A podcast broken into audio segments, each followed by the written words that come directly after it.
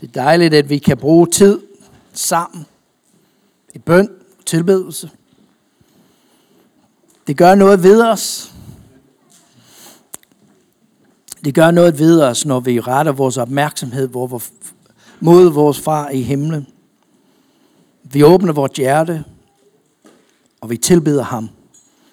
Det åbner for noget i os, som vi har brug for. Her i løbet af den her uge, der kommer, så vi i Ældsterådet er afsted til øh, Frikirkenets konference.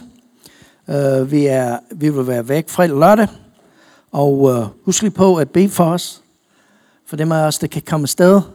Øh, det er en fantastisk tid, vi mødes den her gang i maj og øh, jeg ved ikke helt, hvor mange menigheder der er med, hvor mange kirker der er med, men der er en rigtig mange, og vi, øh, vi har et fantastisk tid sammen og fællesskab.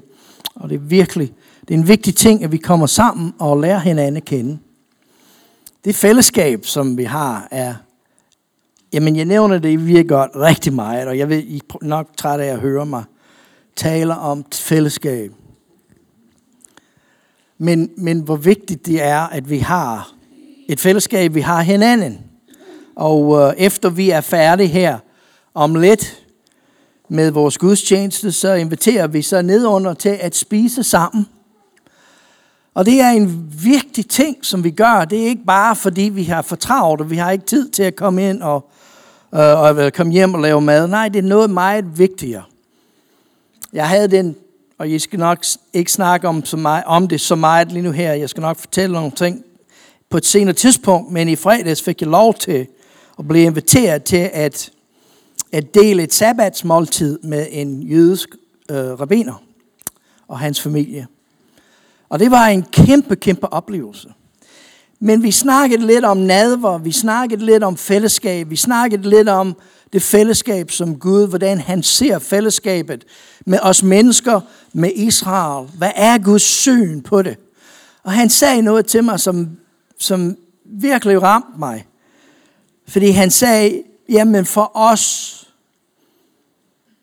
at det at spise sammen, det er en måltid fredag aften, at komme sammen med venner og familie, at spise sammen, er næsten, hør hvad han siger, næsten lige så vigtigt, som at komme i synagogen. Man siger, vi kan godt undvære at komme i synagogen, men vi kan ikke undvære at spise måltiden sammen. Og når vi kommer sammen, og når vi spiser sammen, så deler vi liv sammen. Så det er ikke en service, som vi vil gerne tilbyde menigheden, fordi vi ved, at alle har så travlt i vores tid. Nej, det er noget mere end det. Vi gør, som den første menighed gør, gjorde. Det er delt måltid sammen. Det er delt en måltid sammen hver eneste uge, som det er kaldt for en kærlighedsfest. Fordi det er delt liv sammen. Og det er derfor, vi sætter det med så en høj prioritering. Og jeg ved godt, at det kræver noget af os alle sammen. Men vi har virkelig brug for, at vi alle sammen løfter i den opgave. Og øh, vi har så bedt jer om, at hvis I har mulighed for det, at skrive jer på en liste, at tage en ret med i gang imellem, så at vi kan have et måltid sammen. Og øh, vi vil gerne gøre det på den måde, at hvis vi alle sammen kan løfte lidt, så er der ingen, der skal løfte meget. Og det er vigtigt. Så igen, hvis I har mulighed for det, så snak med Anne med bagefter, og skriv jer på. Og lad os få en fornyelse i vores tanke omkring at dele et måltid sammen. Jesus siger i, i, i åbenbaringsbogen 3. kapitel, vers 21, jeg står ved døren, og jeg banker på. Og hvis du lukker op, siger han, så vil jeg komme ind. For os, vi, det betyder ikke så meget, men for en jøde, det betyder rigtig meget, fordi man, er ikke, man kommer ikke ind, medmindre man er inviteret ind. Du kan godt komme ind, de har alle sammen en foyer. Du må gerne komme ind i det og snakke med, med huset, eller hvad du skal, men at være, blive inviteret ind, det er noget helt andet. Og Jesus han siger, hvis du inviterer mig ind, så vil jeg komme ind og dele et måltid sammen med jer. Jeg vil komme ind i det allerhelligste. Jeg vil komme ind der, hvor I lever. Der, hvor I er. Og jeg vil dele en måltid sammen med jer. Og det er det, vi får lov til. Det er det, vi får muligheden for. Fordi vi har noget, vi kan dele med hinanden. Jeg havde mange ting, mange oplevelser i den her uge. Det har været en travl uge. Det har det. Men vi var også sammen som frikirkepræster her i torsdags år. Vi er en 20 stykker, der mødes af forskellige frikirker her i Københavns område. Og vi har også nogle øh, øh, folkekirkepræster, der er der også er med. Vi har en fantastisk tid, hvor vi deler liv og taler om de ting, der kan være svært i vores tjeneste og vores kald. Også om kirkens liv og hvordan vi har det, og vi har også tid til at bede sammen. Og det betyder rigtig meget for os. Og øh, vi kom til at snakke om, at øh, i dag jo er alle, hellig, alle helligens dag ikke? i Folkekirken. Vi kom til at tale om, om årets kalender i kirken. At når vi kommer så til efteråret, så er vi nærmer os advent, som er den første søndag i, i kirkens kalender. Men i november, så er det det sidste selvfølgelig, søndag i kalenderen. Og det her i denne søndag, hvor de mindes alle dem, som er døde i, i det år, der er gået, og de mindes alle de store troshelte, som er døde igennem tiden. Og øh, vi kom til at snakke lidt om det, fordi de snakkede om, hvor stressende det var at skulle, skulle øh, planlægge sådan en øh, søndag formiddag i, i, i folkekirkens tradition. Og jeg ved godt, at folk møder op og tror, at alt er planlagt, men der, der går rigtig meget arbejde i det. Vi kommer til at snakke om, hvordan det er, og hvad det er, som døden gør ved os. Der er ingenting i livet, der minder os om, hvor kort det er, en døden gør. At vi ved alle sammen, at vi har en tid her på jorden. Vi ved fra prædikernes bog, at der er en tid til alt.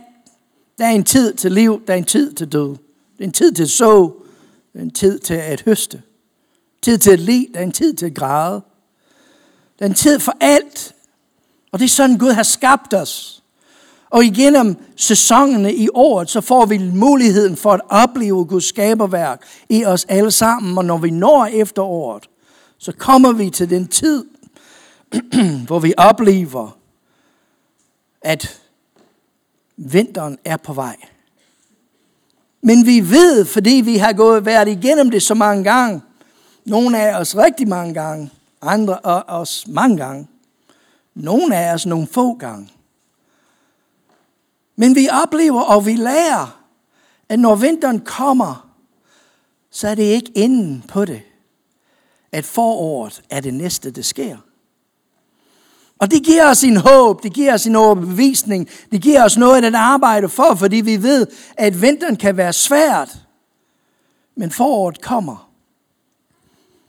Om det er det, som, som gør for os, at det giver os håb, men der er så mange gange, at det der pres, der er i livet, det er det, som gør os utålmodige. Og vi kæmper med at finde tilfredshed i livet. At vi har svært ved at være tålmodige. Vi har svært ved at finde tilfredshed i livet. Vi har svært ved at minde os selv og hinanden om, at Gud har det her. Han har styr på det. Han er i kontrol. Han har al magt. Han har skabt det hele. Han kender os. Vi har det. Vi lever i en tid lige nu her, hvor vi alle sammen, tror jeg, i hvert fald mange af os, det første vi gør om morgenen, vi kigger på smittetallene. Hvor mange er det blevet smittet med coronavirus sidste 24 timer, hvor vi på vej hen? Åh oh, nej, kommer der restriktioner? Hvad sker der? Det er godt for os i gang imellem at tage et skridt tilbage og sige, Gud har det her. Han er med mig. Han styrer mig. Han styrer mit liv. Og vi finder disciplene i, i sådan en situation i første kapitel af Apostlenes Gerninger. Den første kapitel, og for, og fra vers 3. Efter sin ledelse og død, trådte Jesus frem. Det kunne vi godt bare være der et stykke tid, ikke? Efter sin ledelse og død, trådte Jesus frem. Hvis min far trådte ind i dag, så vil jeg være noget så for, for overrasket. De har lige oplevet noget for første gang nogensinde. Gud han har rejst Jesus Kristus fra de døde. Det er det, Lukas han skriver om. Jesus han trådte frem for dem med mange beviser på, at han levede. Er det ikke fantastisk? Det er ikke bare en bevis eller et eller andet, men mange beviser på, at han levede. I det han i 40 dage viste sig for dem og talte om Guds rige. Og da han spiste sammen med dem, det var en af de største bevis på, at han var levende. Han spiste med dem den første aften, han mødte dem. Kan du huske det? Johannes. Han spiste sammen med dem. Han spiste også sammen med dem ved søens brede, hvor han, hvor han fortæller Peter, at han havde ikke glemt ham, at Guds kærlighed vil genetablere hans tjeneste. Han inviterede ham tilbage ind i fællesskabet. Han spiste sammen med dem. Og han pålagde dem, at de ikke måtte forlade Jerusalem, men skulle vente på det, som faderen havde lovet. Om de har I hørt mig sige, Johannes døbte med vand, men I skal døbes med Helligånden om ikke mange dage. Og mens de nu var sammen, spurgte de ham, Herre, er det nu? Du vil genoprette riget for Israel. Og Jesus svarede dem, det er ikke jeres sag at kende tider eller timer, som faderen har fastsat af sin egen magt. Men I skal få kraft, når Helligånden kommer over jer. Og I skal være mine vidner både i Jerusalem og hele Judæa, Samaria og lige til jordens ende. Jeg vil gerne begynde i dag med spørgsmålet. Her er det nu. Jesus lige trådt frem for dem og bevist dem, at han var levende. Og det eneste, de havde i hovedet, var, er det nu, du giver os magten? Og grunden til, at de stillede de spørgsmål, fordi de havde håbet på, at tiden var kommet til at give lidt payback for alt det, de havde oplevet. Er det nu, du giver os magten, fordi vi har nogle ting, vi skal gøre op med nogen? Er det det? Er det nu, du etablerer Israel og Guds rige, som vi gerne vil, at det skal være? Er det nu? Spørg dig selv en gang, hvis Jesus, når han åbenbarer sig for dig, hvad er det det første, du spørger ham om? Hvad er det det første, vi spørger ham om? Jesus, er det, er det nu, som du, du gør det eller det? Er det nu? Eller hvad er det, vi spørger ham om? Jesus. Lad mit spørgsmål være om din kærlighed. Om den fremtid, du har for mig. Og ikke det straf, som du har for alle det, jeg har været igennem. Jesus, du er opstanden. Fortæl mig om opstandelsens kraft. Åbenbar for mig om Guds kærlighed, der oprejste dig fra de døde. Vis mig.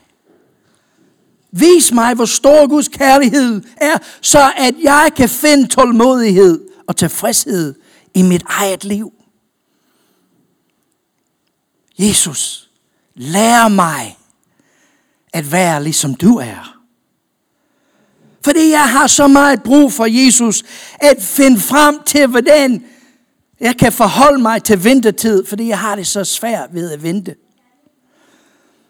Jesus, jeg kæmper med alle de afbrydelser, der kommer igennem livet. Lige så snart jeg tror, at det går lidt godt, så rammer der noget mig fra siden af. og slår mig ud af kurset, og Gud, jeg har så svært ved alle de afbrydelser, der kommer, og alt det der svære besvær, der er i livet. Vil du ikke hjælpe mig, Jesus, fordi du har oplevet opstandelsens kraft her på jorden. Han er Jesus Kristus. Han er den, som blev kød og tog bolig i blandt os. Det er så fantastisk en tanke, som Johannes skriver om det. Han blev kød, og han tog bolig i blandt os. Han blev ligesom mig og dig. Rabinen, jeg var sammen med i fredags, forklarede det på en fantastisk måde, fordi han forklarede mig, at der er to ord for med på hebraisk. Der er ordet et, og der er ordet m, der betyder med.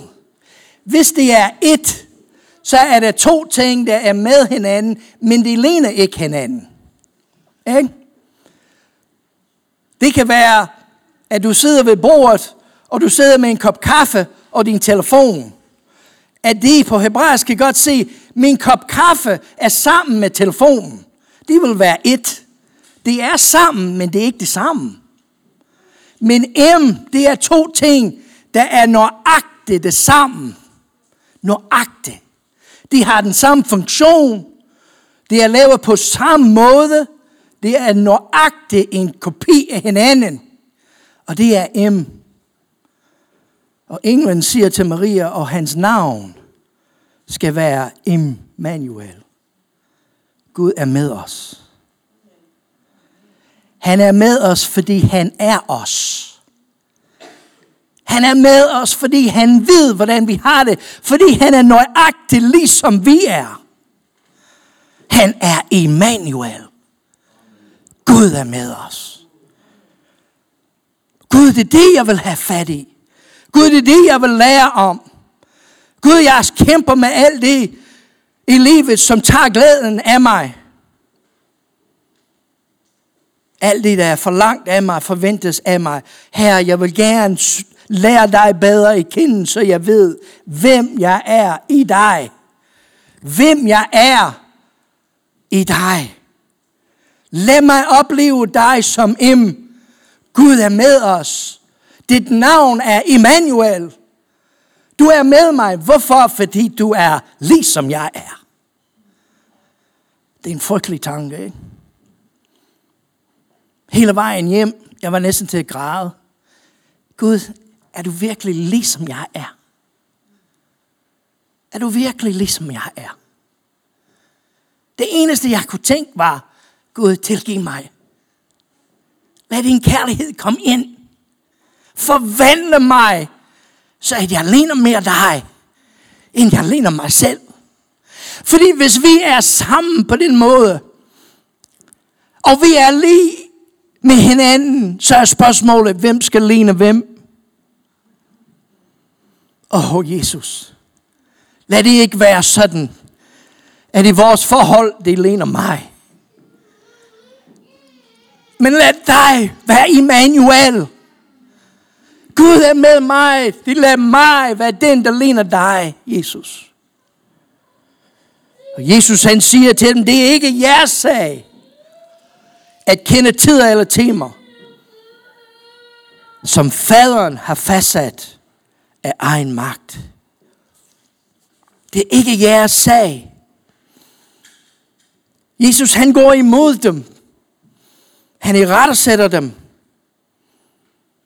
Det er ikke jeres sag at forstå Guds plan og alle de omstændigheder, som han kan knytte sammen for at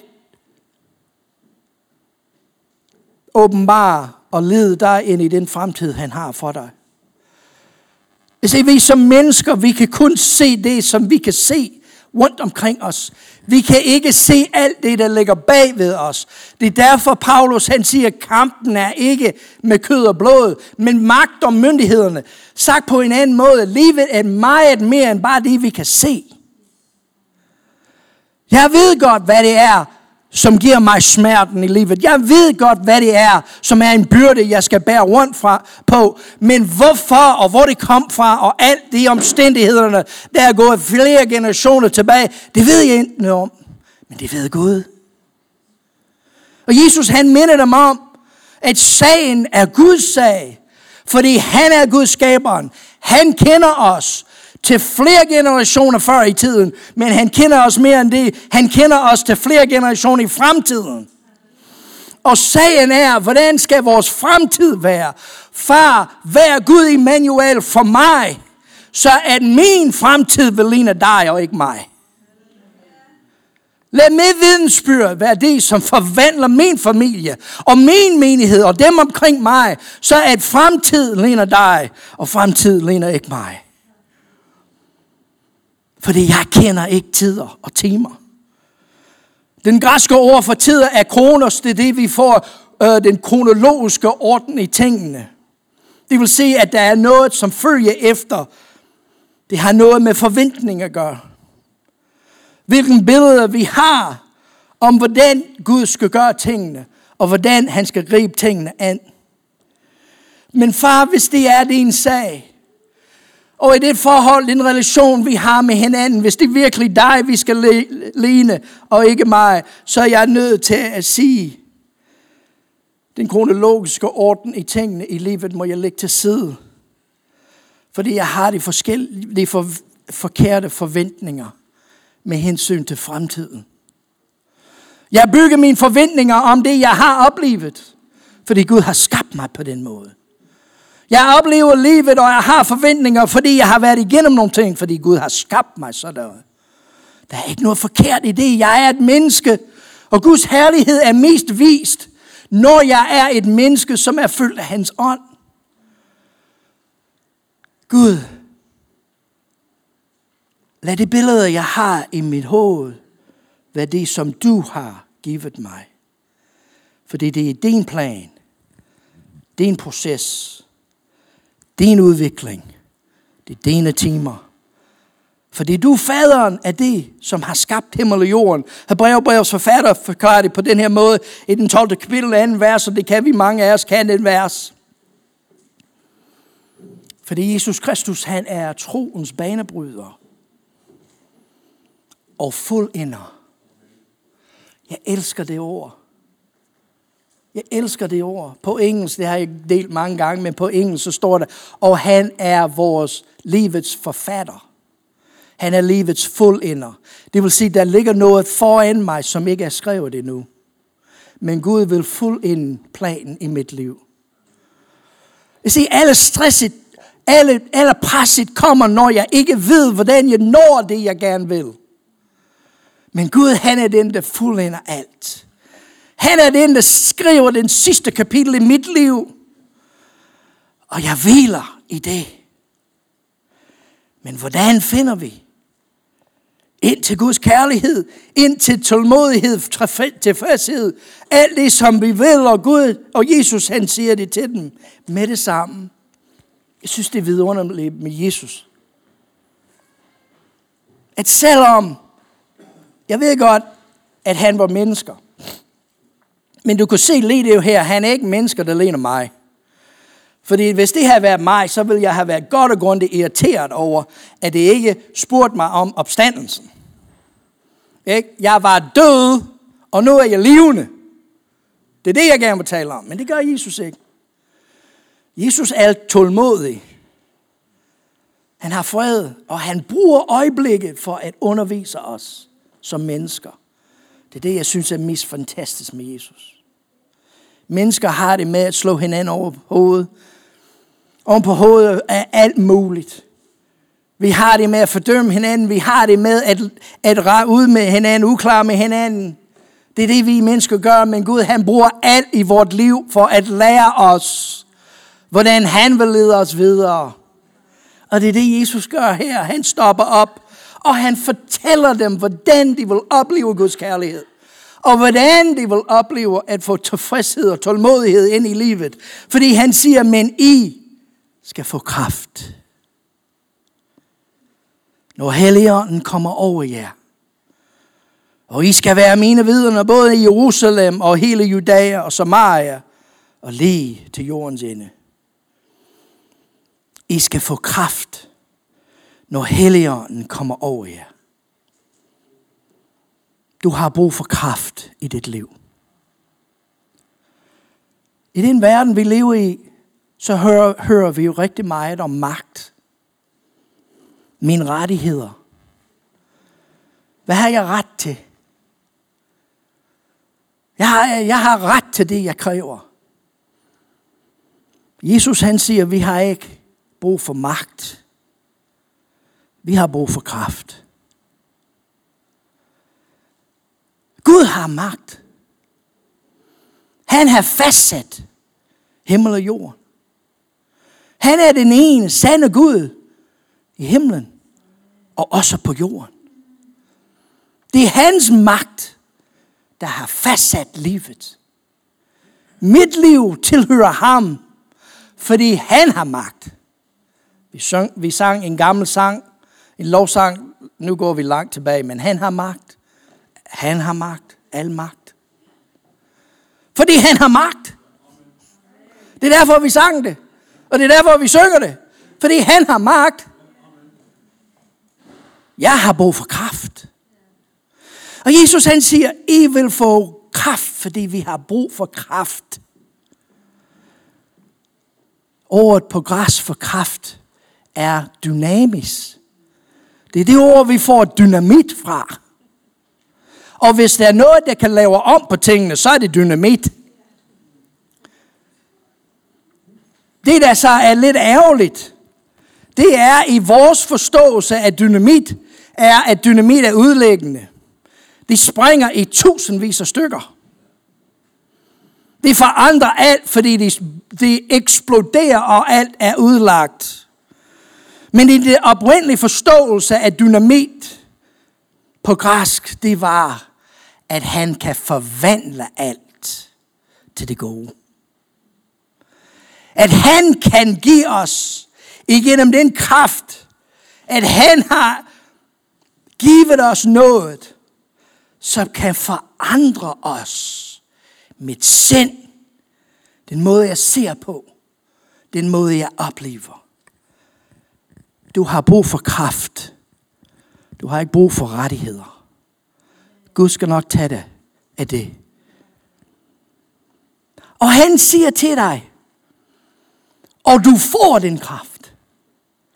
Er det ikke vidunderligt? Jesus han siger, åh, men hvis du er god nok, hvis du gør det og det og det og det, så får du lidt af det. Nej, han siger, I får den kraft. Det spørgsmålet er, forstår vi, hvor vigtig kraften er? Og hvor meget afhængige vi er i livet af kraft. Den første, vi skal forstå, hvis du vil modtage Guds kraft, det er, at kraften kommer til os. Jesus siger til disciplene, kraften skal komme til jer. Det er ikke noget, vi har i os. Så hvis du er i gang med at realisere dig selv, eller finde dig selv, eller, eller kravle op til bjergens højde for at finde ud af, hvem du er, så finder du ikke kraften. Fordi kraften kommer ikke fra indfra, den kommer fra os, eller til os, fra himlen. Jeg siger, det er derfor, vi som pinsefolk, vi tror på, at Gud han har skabt himmel og jorden. At det liv, som vi har her på jorden, er et liv, som kommer fra universet til os. Vi tror ikke på, at jorden er universets centrum. Vi tror på, at Gud er universets centrum. Og ud fra ham eksploderer livet, som resulterer det, at jeg står her i dag. Den kom til os fra himlen. Det kraft, vi har brug for, kommer til os.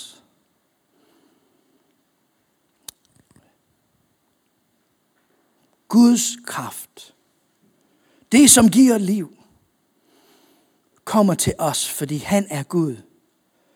Og han er Gud i himlene og på jorden.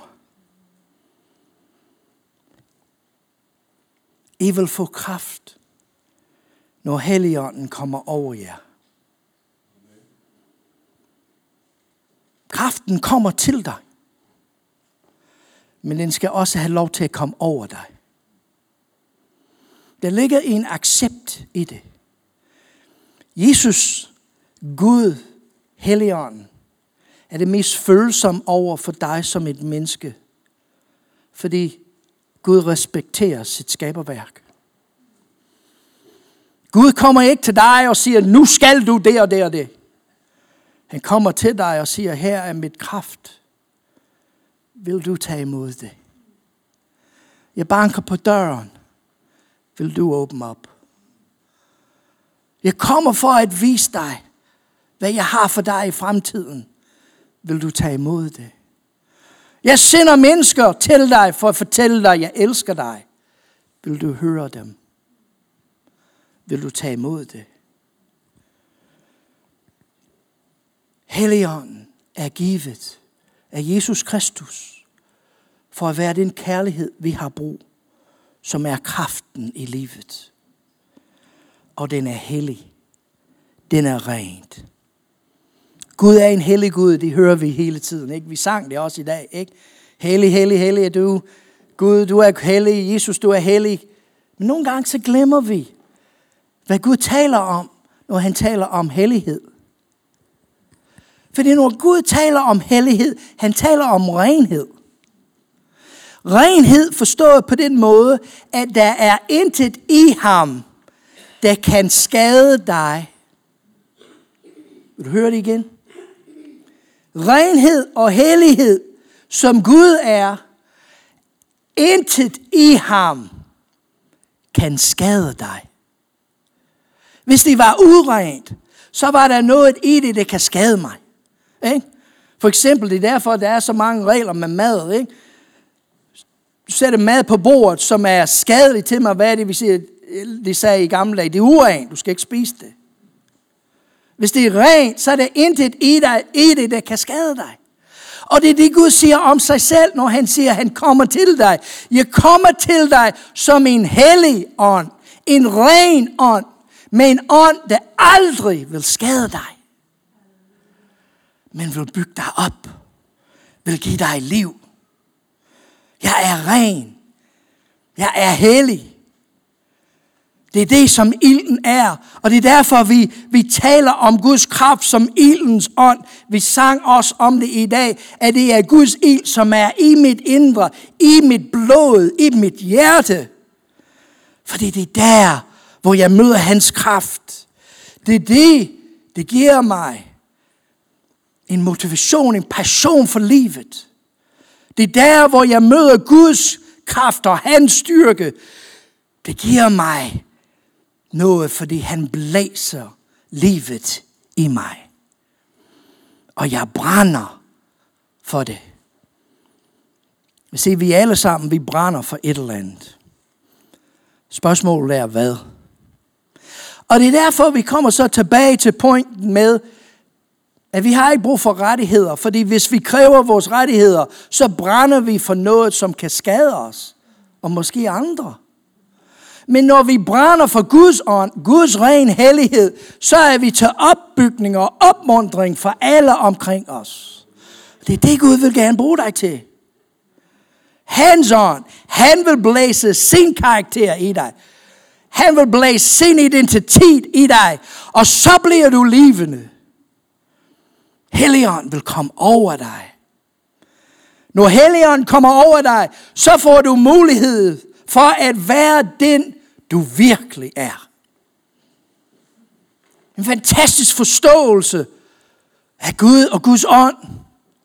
At når Helligånden kommer over os, når Helligånden fylder os, så har vi muligheden for at være den, vi virkelig er. Tror du, at du er den, du virkelig er? Det er et godt spørgsmål. Er du den, du virkelig er? Når Jesus Kristus og hans navn, som er Immanuel, Gud er med mig, han er den, som er ved siden af mig, fordi han er ligesom jeg er. Og når jeg giver ham lov til at forvandle mig, for at være dynamit i mit liv, så at jeg kan ligne ham, at hans renhed vil flyde i mig, hans ånd vil komme over mig. Og det var det, som vil drive mit liv. Og det er der, hvor Guds herlighed er set. Irenius, som var en kirkefader, som, som levede omkring år 300, han sagde det sådan, at Guds herlighed er set i et menneske, som virkelig er. Guds herlighed er set i et menneske, som virkelig er. Jeg er den, jeg virkelig er, når det er mig, der leder Jesus. Når jeg er fyldt af den hellige ånd. En ren ånd, der vil ikke skade noget, men vil bygge noget op. Det vil opmuntre. Det vil møde verden med den kærlighed, som Gud har. Og Jesus han siger, når den hellige kommer over dig, så vil I være mine vidner, både i Jerusalem og Judæa og Samaria og jordens ende. Og når vi læser det, så læser vi det ud fra vores historiske perspektiv. Og vi glemmer nogle gange, at Jesus han talte til sine venner. Han siger jo i Johannes, det, jeg kalder jer ikke længere min tjener, men I er mine venner. Han taler til sine venner. Og han taler til dem i den kontekst, så de kan forstå, hvad det er, han vil sige til dem. Fordi han fortæller dem, hvordan det vil ske i deres liv. Hvordan Guds ånd vil komme over dem. Hvordan Guds ånd vil forvandle dem. Fordi han vidste, at det kommer til at ske om nogle få dage. Han vidste. Til dage senere, så får I en oplevelse, som jeg ikke engang kan forklare jer. Fordi ild vil falde fra himlen, og det vil forvandle jeres liv. Men lad mig fortælle jer, hvordan det vil foregå. På en måde, du kan forstå det. Se, når Gud møder dig i dit liv, så taler han til dig på en måde, som du vil forstå det. Han talte til disciplene omkring Guds fred og hans kærlighed på en måde, de kunne forstå det. Han siger, I vil være mine vidner. Det vil være noget, I har set og oplevet. Hvornår er du en viden? Du er en vidne, når du kan forklare noget, du har oplevet. Jeg er ikke jurist, men jeg, jeg har set rigtig mange film. Og det gør mig meget ekspert i, hvordan retten foregår. Jeg har læst på Facebook, så jeg ved det.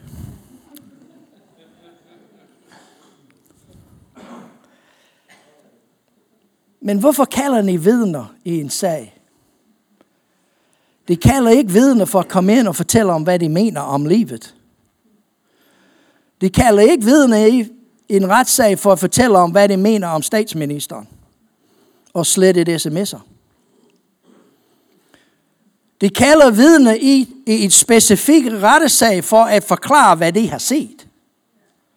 Og hvad de har oplevet. Og det er det, Jesus siger til disciplene.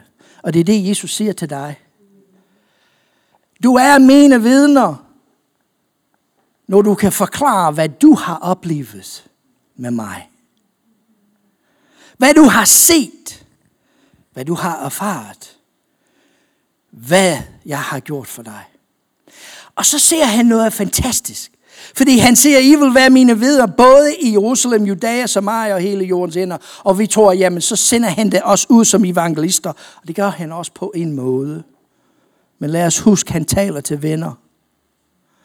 Han fortæller dem, hvordan vi oplever, og vi kan vide, at Guds ånd er kommet over os.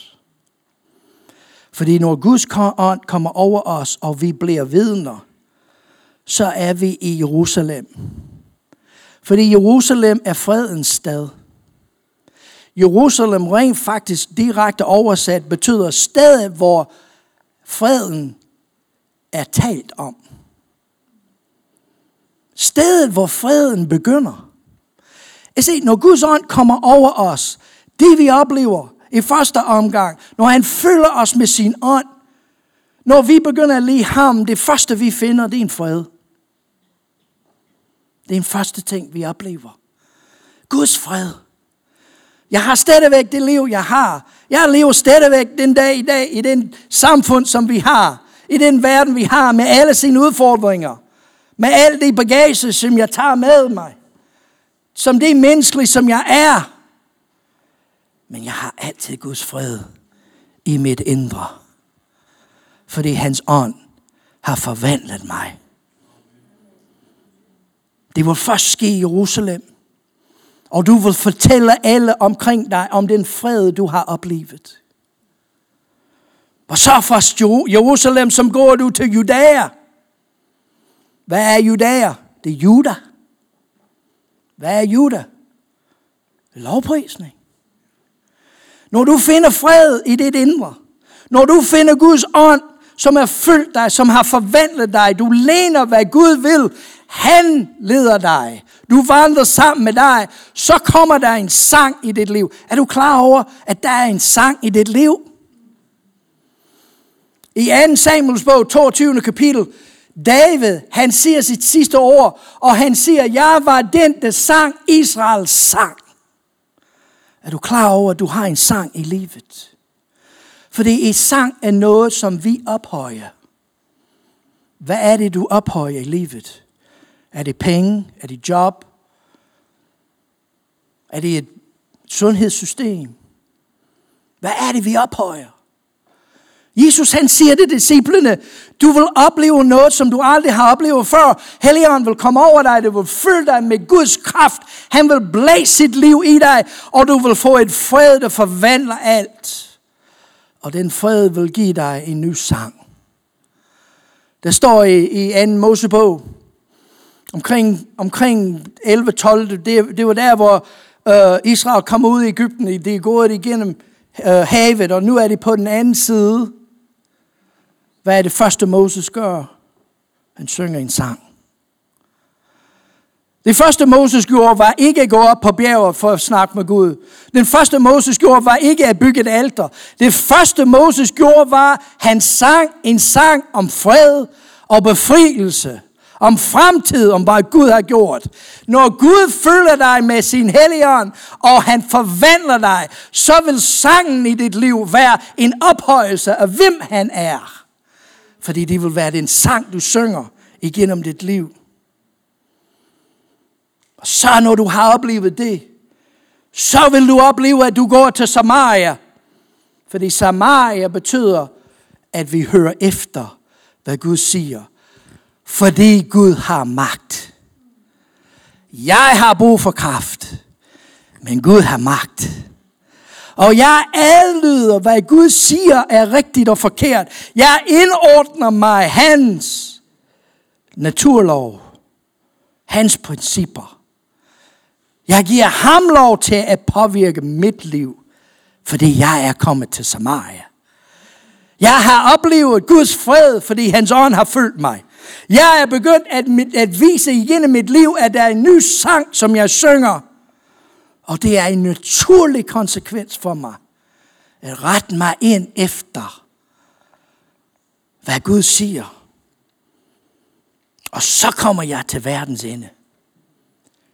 Jabes, han bad i en bøn i den gamle testamente, Gud velsigne mig og udvide mit område. Sagt på en anden måde, Gud velsign mig og bring mig til verdens ende. Det er nøjagtigt det samme sprog.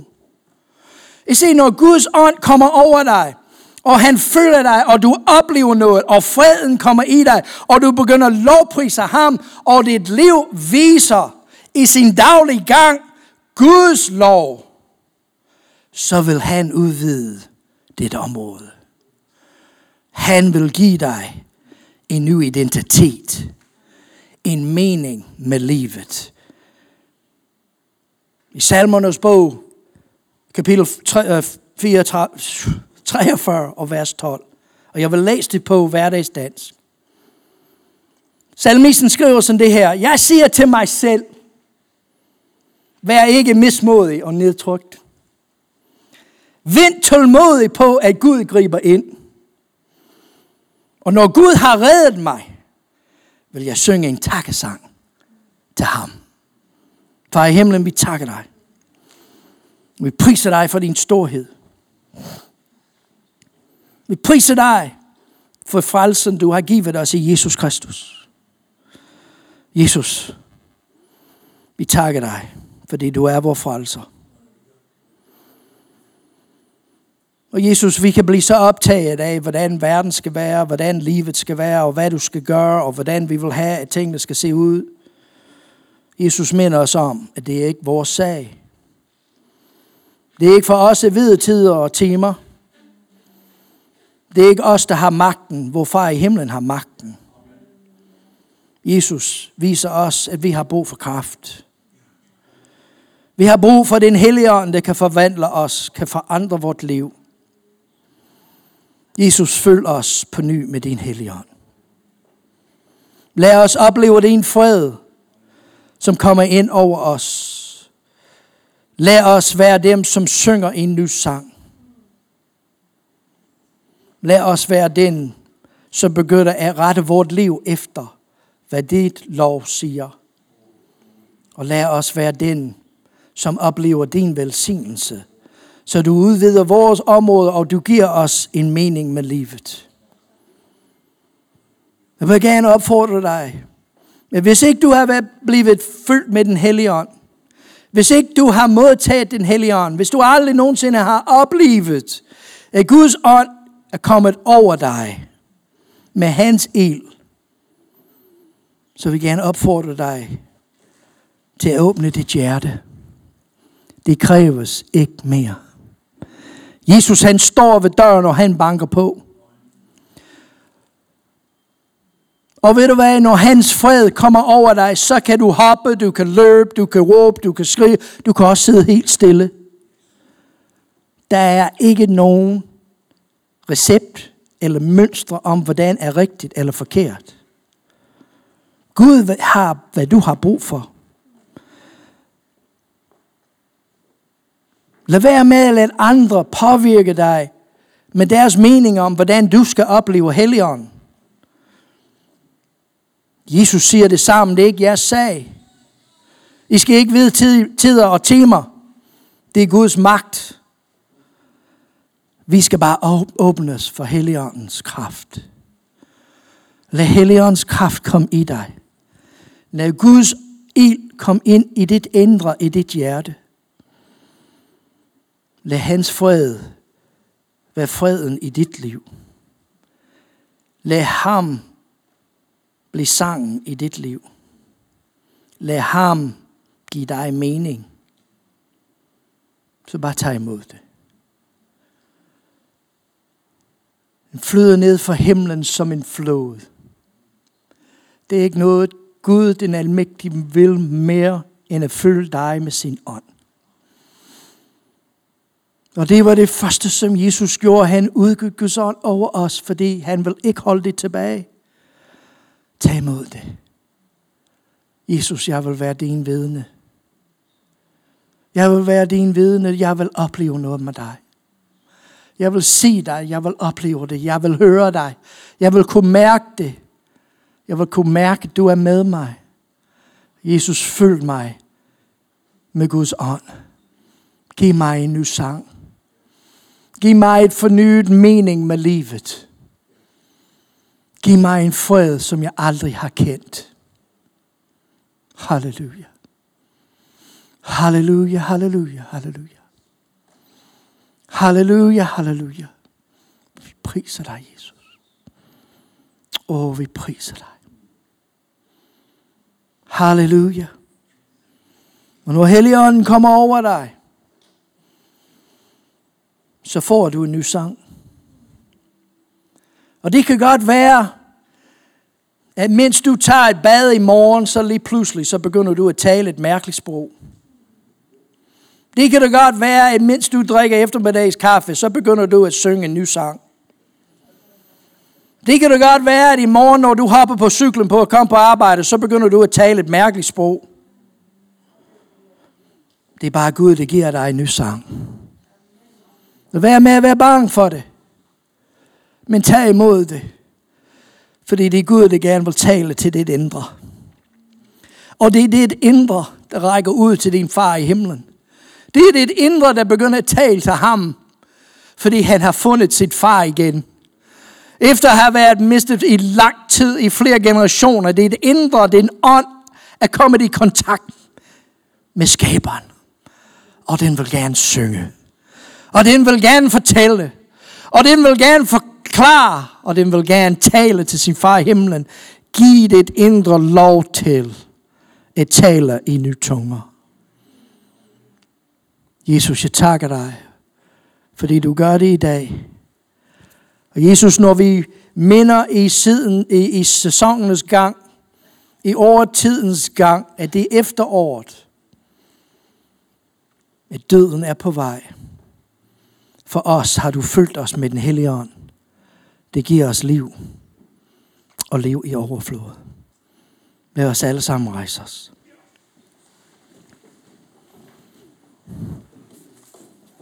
Du skal ikke forlade dette sted i dag, uden at du ved, at din far i himlen elsker dig. At Jesus Kristus, han elsker dig så meget, at han var villig til at give sit liv for dig. Og det var for dig. Han gav sit liv, fordi han vidste, at Gud har magt. Og det var Gud, der bestemt. Han gav sit liv, fordi han vidste godt, at sin far i himlen vil udgyde sin ånd over ham og fylde ham med kraften, der vil bringe ham op af det døde og gøre ham levende igen. Og det er den kærlighed, han gerne, at du modtager i denne formiddag, som modtager Herrens velsignelse. For Herren velsigner dig, og Herren bevarer dig. Herren lader sit ansigt lyse over dig og være dig nådig. Herren løfter sit åsyn mod dig, og han giver dig fred. Amen. Tak for formiddag. Gud velsigne.